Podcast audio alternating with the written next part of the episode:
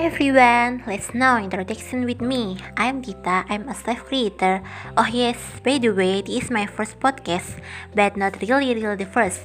I mean, actually I format before and collaboration too, but maybe I think that in here more can be structured. My favorite music is country music. Besides that, I also like K-pop. My favorite food are fried rice, avocados, cheese, and yogurts. My favorite animal are cat and rabbit. I like cats, so at home I have a favorite male cat. His name is Moisa.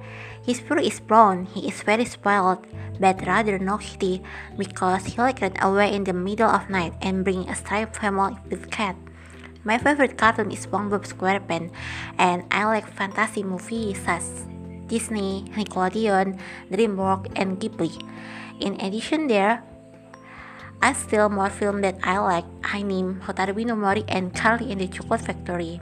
This is a film, not anime. My activities now are studies and work to get some money. Oh yes, in the Haidita podcast, I will make two language version, namely Indonesian and English.